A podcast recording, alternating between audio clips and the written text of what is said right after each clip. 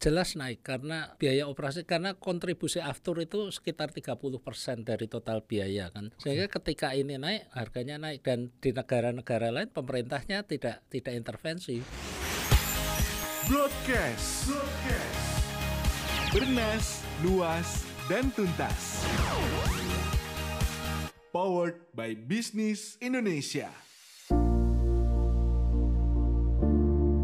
Halo sobat bisnis, kita berjumpa lagi di Talks dan di episode kali ini kita akan berbincang seputar salah satu isu yang cukup uh, meresahkan untuk para pengguna jasa transportasi udara karena beberapa waktu lalu pemerintah menyetujui kenaikan harga tiket pesawat yang kemungkinan ada beberapa dampak yang dirasakan oleh para pengguna transportasi udara.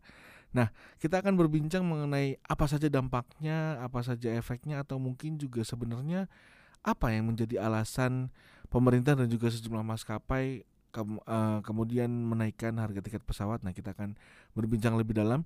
Sudah hadir di studio broadcast ada Bapak Alvin Lee. Beliau adalah pengamat penerbangan yang juga Ketua Asosiasi Pengguna Jasa Penerbangan Indonesia.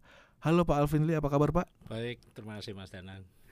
Sehat selalu ya Pak ya. Amin. Nah, uh, Pak Alvin Lee boleh diceritakan Pak.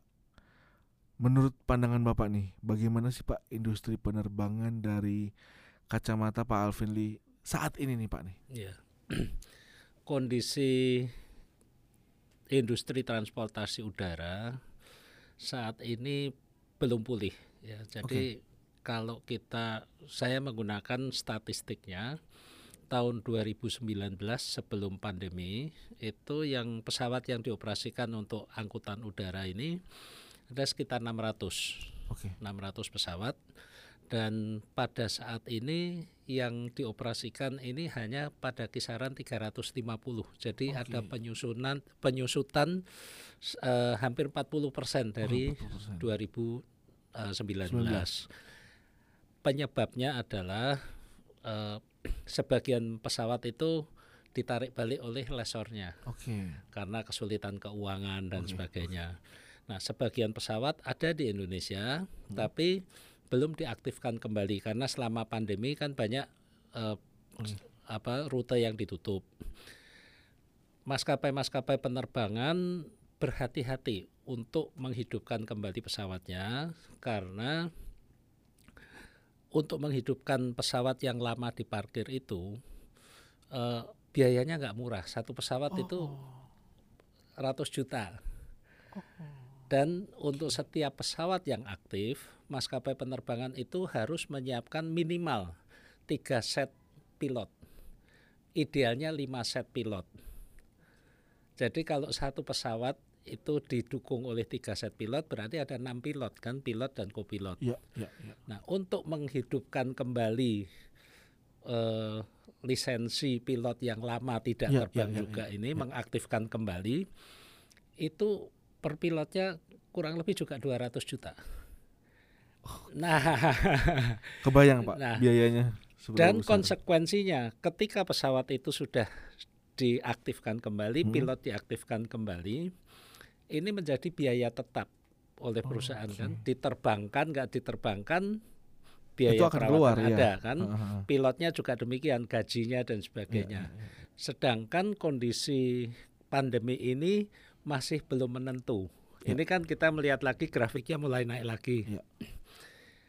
maskapai-maskapai penerbangan masih khawatir ini nanti kalau naik lagi ada pembatasan perjalanan yeah.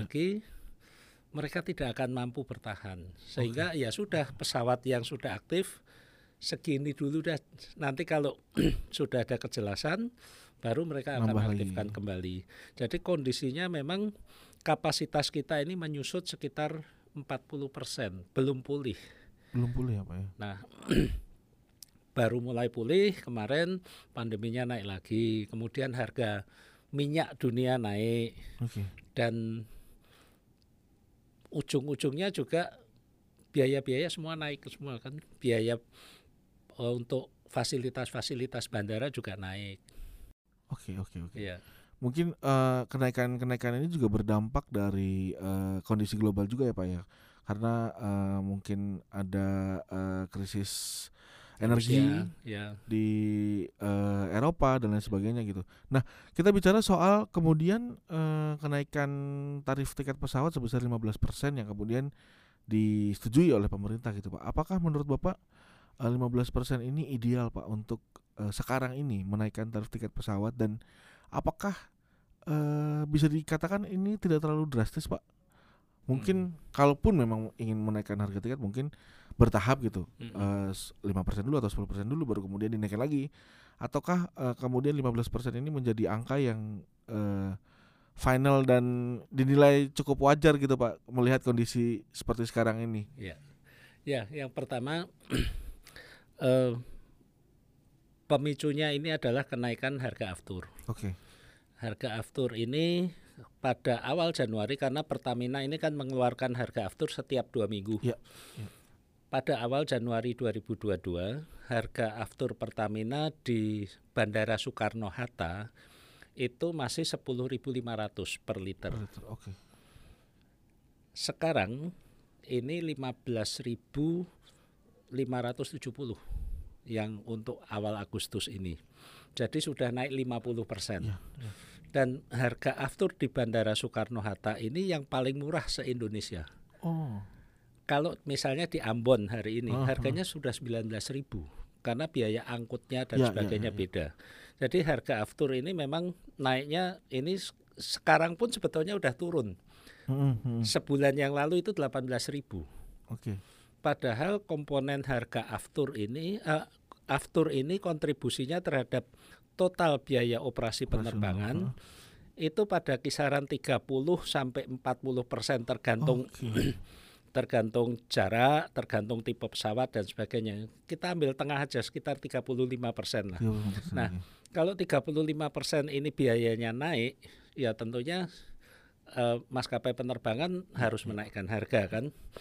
Nah, di Indonesia ini uh, untuk rute domestik itu ada tarif batas atas. Jadi pemerintah uh -huh. intervensi Okay. Tarif batas atas yang berlaku sampai dengan hari ini ditetapkan tahun 9 uh, eh, tahun 2019. Ketika itu harga aftur masih di bawah 10.000. 10 ribu. Dan sebelum nah, pandemi juga. Sebelum pandemi kan. Nah, sekarang harganya udah 15.000. Okay. Uh, jadi pada bulan April itu uh, Menteri Perhubungan mengeluarkan keputusan menteri yang membolehkan fuel surcharge ini tuslah untuk mengatasi uh, tarif batas atas ya, ya. karena ya. kalau tidak ada tuslah ini tiket dijual pada tarif batas atas pun maskapai penerbangan rugi. Rugi. Belum ketutup biaya operasionalnya. Rugi mereka dan ketika KM 68 kalau nggak salah ya itu diterbitkan hmm. uh, itu uh, ini apa bulan April itu berlaku untuk tiga bulan. Oke. Okay. Jadi setiap tiga bulan di diperbarui kembali. Nah, uh. yang perlu kita ketahui tarif batas atas di Indonesia ini dibagi menjadi tiga kategori. Rute hmm. yang dilayani pesawat jet, rute yang dilayani pesawat baling-baling atau propeller, propeller ini pun dibagi dua. Oh. Propeller yang besar di atas 30 penumpang okay. dan propeller kecil yang di bawah 30 penumpang. Yang untuk uh, jet hmm. pada bulan April itu fuel surcharge-nya 10%. Oke. Okay. Kemudian untuk uh, yang uh, propeller baik yang besar maupun kecil itu 20%. Oke. Okay. Tapi ternyata yang untuk propeller ini dengan fuel surcharge 20% pun itu tidak nutup. Oh. Nah, ketika tidak nutup, uh, bagi maskapai penerbangan ini opsinya dua. Okay. Mereka jual harga tiket melanggar okay. atau mereka berhenti operasi. Padahal yang dilayani pesawat baling-baling ini adalah kota-kota kecil, ya, bukan ya, kota-kota ya, besar. Kota-kota besar dilayani dengan pesawat, pesawat jet. jet. Ya, ya, ya, nah, ya. sedangkan kalau untuk pesawat jet ini relatif lebih efisien sehingga eh, kenapa kok kenaiknya hanya 10%. Nah, bulan Agustus ini pemerintah kembali mengeluarkan fuel surcharge yang dari 10% uh, jet itu dinaikkan menjadi 15% okay. dan yang baling-baling dari 20 menjadi 25%. Sebenarnya untuk yang baling-baling ini 25% pun belum belum tutup karena permintaan oh, okay. uh, harapan dari operator penerbangan itu minimal 30%. Oke.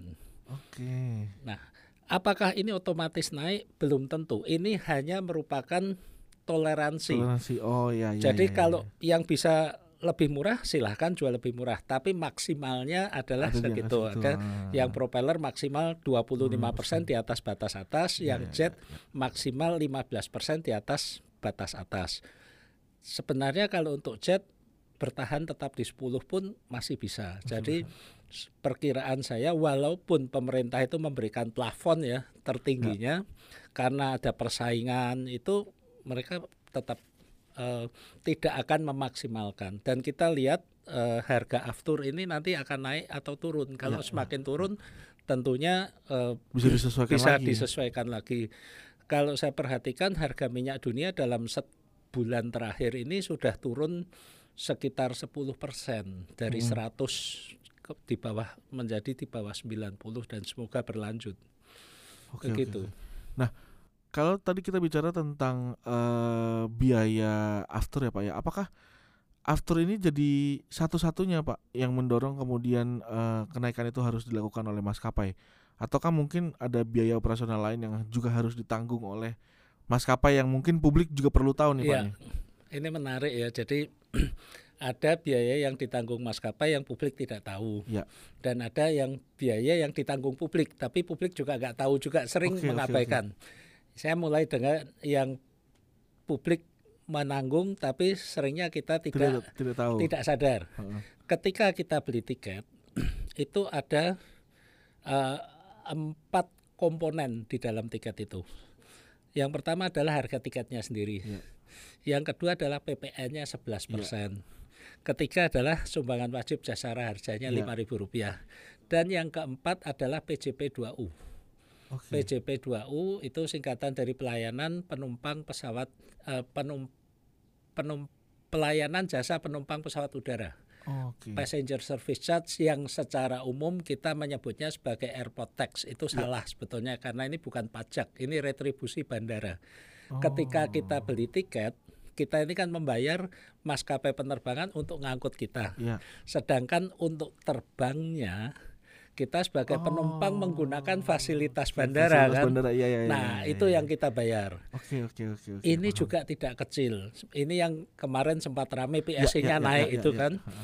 Sebab untuk rute-rute tertentu harganya memang uh, misalnya Soekarno Hatta. Mm -hmm. Soekarno Hatta ke Semarang yang saya sering ya. Itu antara terminal 1 2 3 itu tarifnya beda-beda. Oke. Terminal 3 paling tinggi sebaliknya dari Semarang ke Jakarta ternyata PSC-nya ini tidak lebih murah daripada terminal satu, satu. Soekarno Hatta. Oh, okay. Nah kalau dibandingkan itu kon besaran dari PSC atau PJP 2U ini ada yang 10%, ada yang sampai 15% dari harga tiket. Itu cukup besar. Oh, okay. Itu yang kita kita penumpang yang bayar yang sering kita nggak tahu, tahu kan? ya, ya, itu ya, untuk fasilitas-fasilitas bandara. Nah biaya operasi eh, maskapai penerbangan selain sewa pesawat, perawatan, eh, kemudian untuk gaji pilot dan sebagainya, yang tidak kecil adalah biaya fasilitas bandara juga. Ada biaya pendaratan.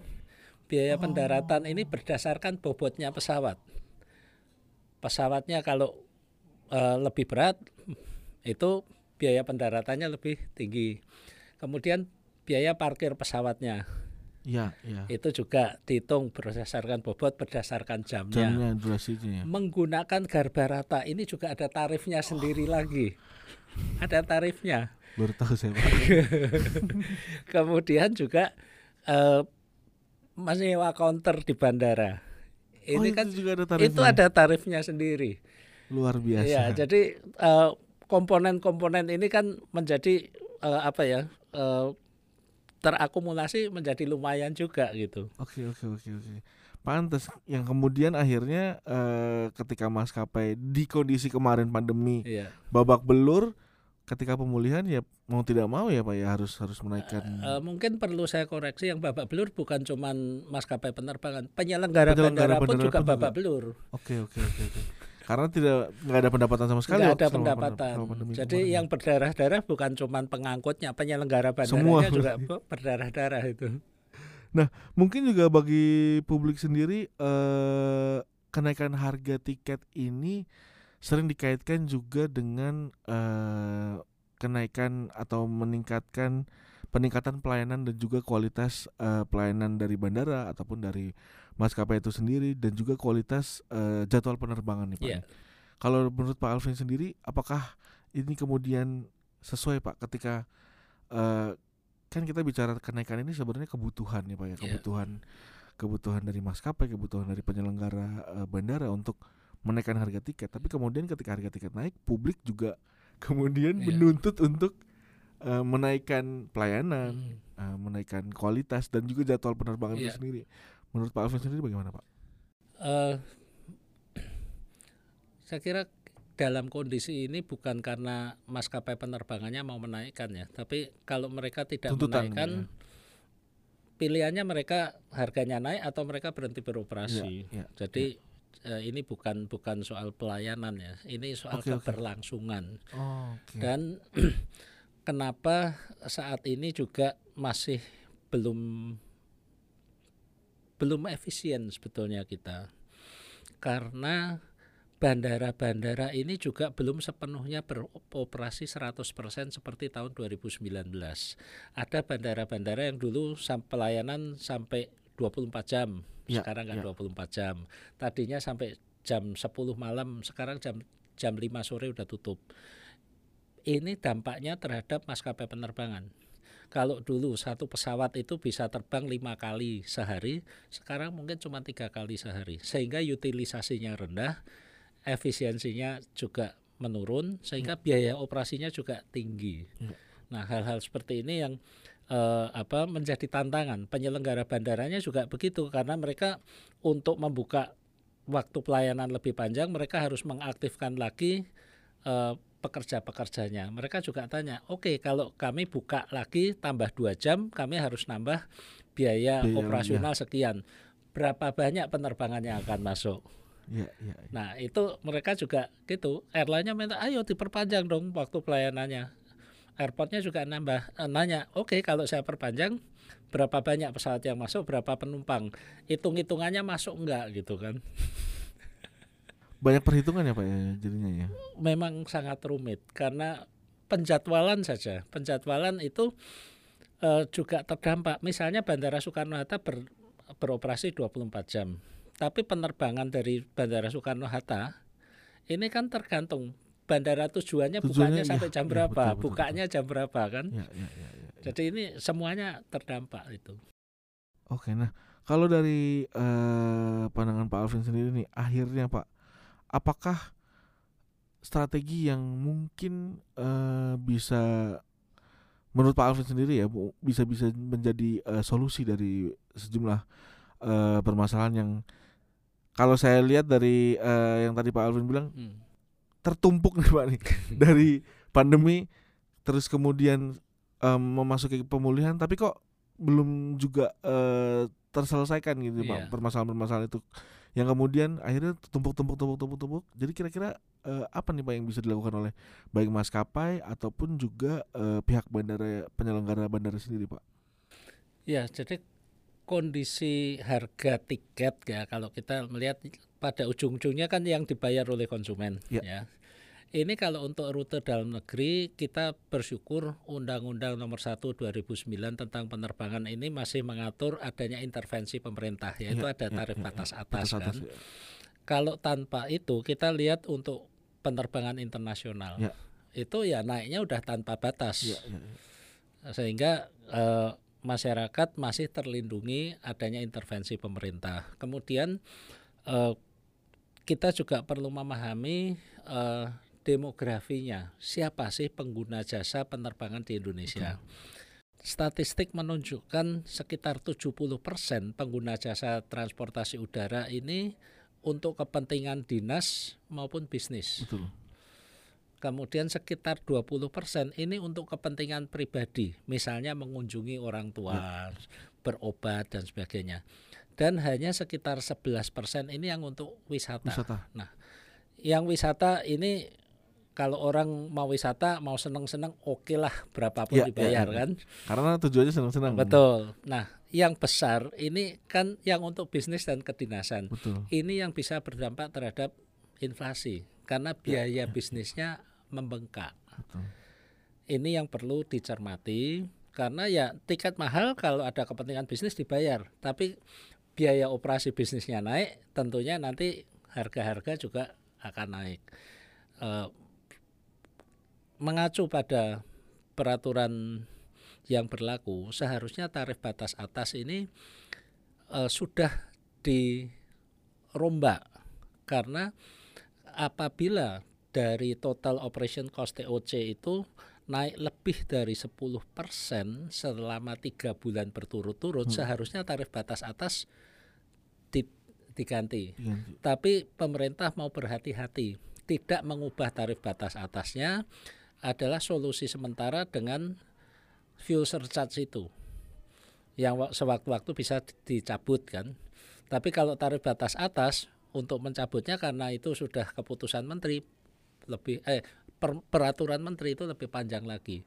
Jadi ya ya sementara ini ini eh, realita yang menghadapi bukan cuma Indonesia di mana pun juga demikian dan eh, yang terdampak ini kan harga minyak jadi ya, bukan ya. cuma udara. Bensin pun ya, kita kan betul, kan juga betul. kita jangan lihat Pertamina, Pertamina masih disubsidi negara.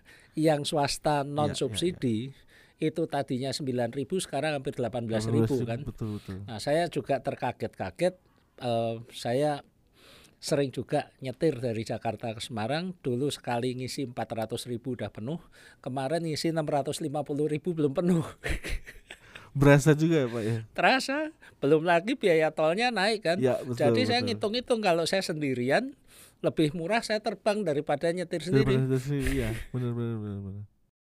Nah, mungkin juga uh, selain tadi uh, pertimbangan-pertimbangan itu tadi Pak, ketika uh, kenaikan harga tiket pesawat ini berdampak ke hal lain untuk uh, bagi yang uh, apa tuh namanya memiliki kepentingan bisnis, yeah. terus juga untuk bepergian kayak gitu segala macamnya. Nah, uh, apakah nanti juga kemungkinan uh, minat dari masyarakat itu juga seperti apa nih Pak dampak ini? Kemudian apakah nanti ada alternatif lainkah ketika wah harga tiketnya mahal nih? Hmm. Apakah mungkin beralih ke uh, transportasi lain? Memungkinkankah untuk beralih atau ya udah akhirnya mau tidak mau dibeli dan kemudian uh, menaikkan kos uh, untuk uh, operasional bisnisnya dan lain sebagainya? Iya. Itu nanti kemudian seperti apa, Pak?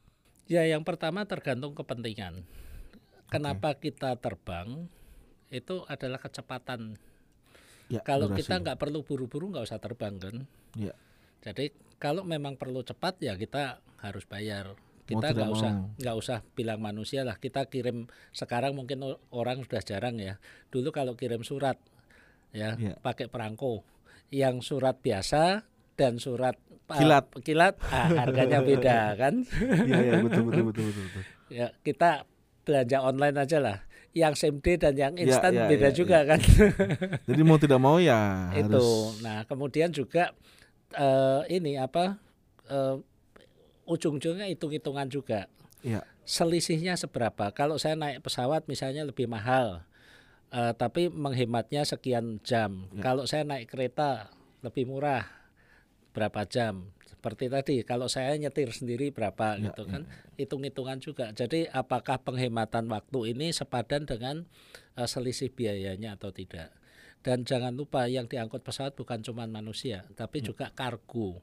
Nah kargo angkutan kargo ini yang sering luput dari perhatian kita biaya kargonya naiknya seberapa? Ini nyangkut logistik nyangkut nanti uh, harga-harga juga cukup cukup uh, berdampak domino juga ya pak ya berarti ya nggak cuma dari jelas, operasional pesawat jelas, aja. Ya. Iya. Oke, nah kalau kita bicara tentang kenaikan ini pak, apakah di negara-negara lain juga ikut terdampak mengingat kan yang naik salah satu faktornya adalah harga aftur Iya. dan, dan bukan Indonesia aja dong berarti yang harga afturnya naik berarti negara-negara lain juga mengalami kenaikan apakah negara lain juga kemudian menaikkan tarif tiket pesawat ju- juga pak jelas naik karena biaya operasi karena kontribusi aftur itu sekitar 30% dari total biaya kan. Sehingga ketika ini naik harganya naik dan di negara-negara lain pemerintahnya tidak tidak intervensi. oh oke Nah, selain selain harga aftur, ini bulan Juni Juli kemarin terutama di Eropa itu eh, airportnya kacau karena ini musim liburan liburan Iya, iya, musim iya. panas Oh, mereka musim kan panas mereka, ha. sehingga penumpangnya membludak, pengangkutnya juga kurang. oh. Sama seperti kita. karena setelah pandemi kemarin ya Betul, pengangkutnya kurang, pilotnya kur, eh, apa pesawatnya kurang, pilotnya kurang, pekerja bandaranya juga kurang. Karena untuk mengaktifkan kembali pekerja bandara ini nggak sembarangan, mereka harus punya lisensi, Iya, iya, kompetensi kan. Apa yang terjadi kadang penumpangnya bisa terangkut, bagasinya tidak terangkut. terangkut, ya, ya. Sehingga seperti di Skipol itu sampai antrenya sampai di luar gedung terminal. Berjam-jam terjadi seperti itu. Walaupun harga tiketnya mahal karena mereka juga sudah lama nggak liburan Ya, gitu. ya. karena itu tadi Tapi harga tiketnya mahal. Oke oke. Nah mungkin eh, terakhir nih Pak nih memasuki kan eh, pemerintah sendiri menggaungkan saat ini eh, pemulihan ekonomi ya Pak ya. Iya. Kemudian eh, terjadi kenaikan harga tiket pesawat. Apakah ini juga kemudian berdampak Pak ke proses pemulihan ekonomi sendiri yang eh, bisa dibilang lumayan cepat untuk Indonesia sendiri ya Mhm. melihat eh, bulan Agustus sekarang ini kondisi kita udah hampir pulih sepenuhnya gitu ya. Pak ya. Apakah eh, ini juga akan berdampak pada pemulihan ekonomi di sektor eh, yang berhubungan dengan eh, maskapai penerbangan dan juga eh, operasional bandara baik pariwisata, bisnis Hmm. dan lain sebagainya itu Pak. Jelas ya, tapi bukan hanya eh, terkait penerbangan karena biaya energi secara umum semuanya naik. Tarif Ya, listrik ya, juga ya. naik kan. Oke. Kemudian bensin juga naik. Ya. Dan ini tentunya berdampak terhadap biaya-biaya operasi bisnis yang tadinya eh, m- apa eh, proyeksinya tidak seberat ini sekarang ketika ongkos-ongkos naik ini sebetulnya yang terjadi adalah penyusutan modal kerja kan Oke, tadinya iya, modal iya. kerja misalnya kita punya satu miliar ini bisa setahun sekarang satu miliar ini mungkin cuma sembilan bulan kan Iya.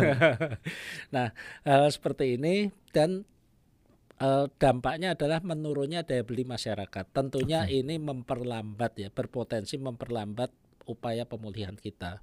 Tapi ya inilah dunia nggak ada yang sempurna kan ketika kita eh, misalnya kita baru sembuh dari sakit baru baru belajar jalan tersandung jatuh. Ya. Ah, ya pelan-pelan lagi gitu. Nah, apakah nanti kemudian naiknya harga tiket ini berpengaruh terhadap eh, menurunnya daya beli masyarakat terhadap eh, penerbangan sendiri, Pak? Eh, sebenarnya selama pandemi sudah terjadi perubahan ya yang tadinya kita gampang sekali terbang war-war war-war sekarang kalau nggak perlu udah pakai zoom aja kan Mengubah habit berarti, Pak. ya mengubah pola kerja Kebiasaan, kita ya, kebiasaan ya, ya, kita ya. jadi bisnis-bisnis pun juga demikian yang tadinya harus temu muka sekarang nggak usah temu muka Oke. itu itu sudah mempengaruhi kan dan ini akan terus berlanjut karena bisnis-bisnis pun juga merasakan eh ternyata kita Lebih bisa kerja simple, lebih ya. efisien Iya, iya, gitu iya, kan oke, oke. Nah, ini ini ini yang penting kita perhatikan karena kembali lagi pengguna jasa penerbangan kita ini untuk domestik terutama 70% ini adalah untuk kedinasan dan bisnis. Nah, ketika ini juga sudah punya pola kerja baru, ya kementerian, kemudian pemerintah daerah pun sekarang kan juga training nggak usah datang ke Jakarta, Betul, online Zoom. saja. Ini tentunya juga membuat kebutuhan ini agak berkurang. Oke, oke. Jadi juga akan berpengaruh terhadap eh, daya beli juga ya, Pak ya, karena dirasa Iya. Kebutuhannya juga berubah. kebutuhannya berubah ya. Ini dengan harganya naik, penghasilan belum naik, tentunya daya belinya juga turun. akhirnya digunakanlah alternatif-alternatif itu tadi Benar, dengan ya. memanfaatkan teknologi ya zoom-zooman aja gitu. ya. Oke deh kalau gitu terima kasih banyak Pak Alvin untuk ngobrol-ngobrolnya. Sama-sama Mas Semoga bisa jadi insight baru untuk sobat bisnis dan juga jadi pandangan barunya untuk sobat bisnis yang mungkin kemarin-kemarin sempat eh, kaget karena harga tiket pesawat naik. Iya.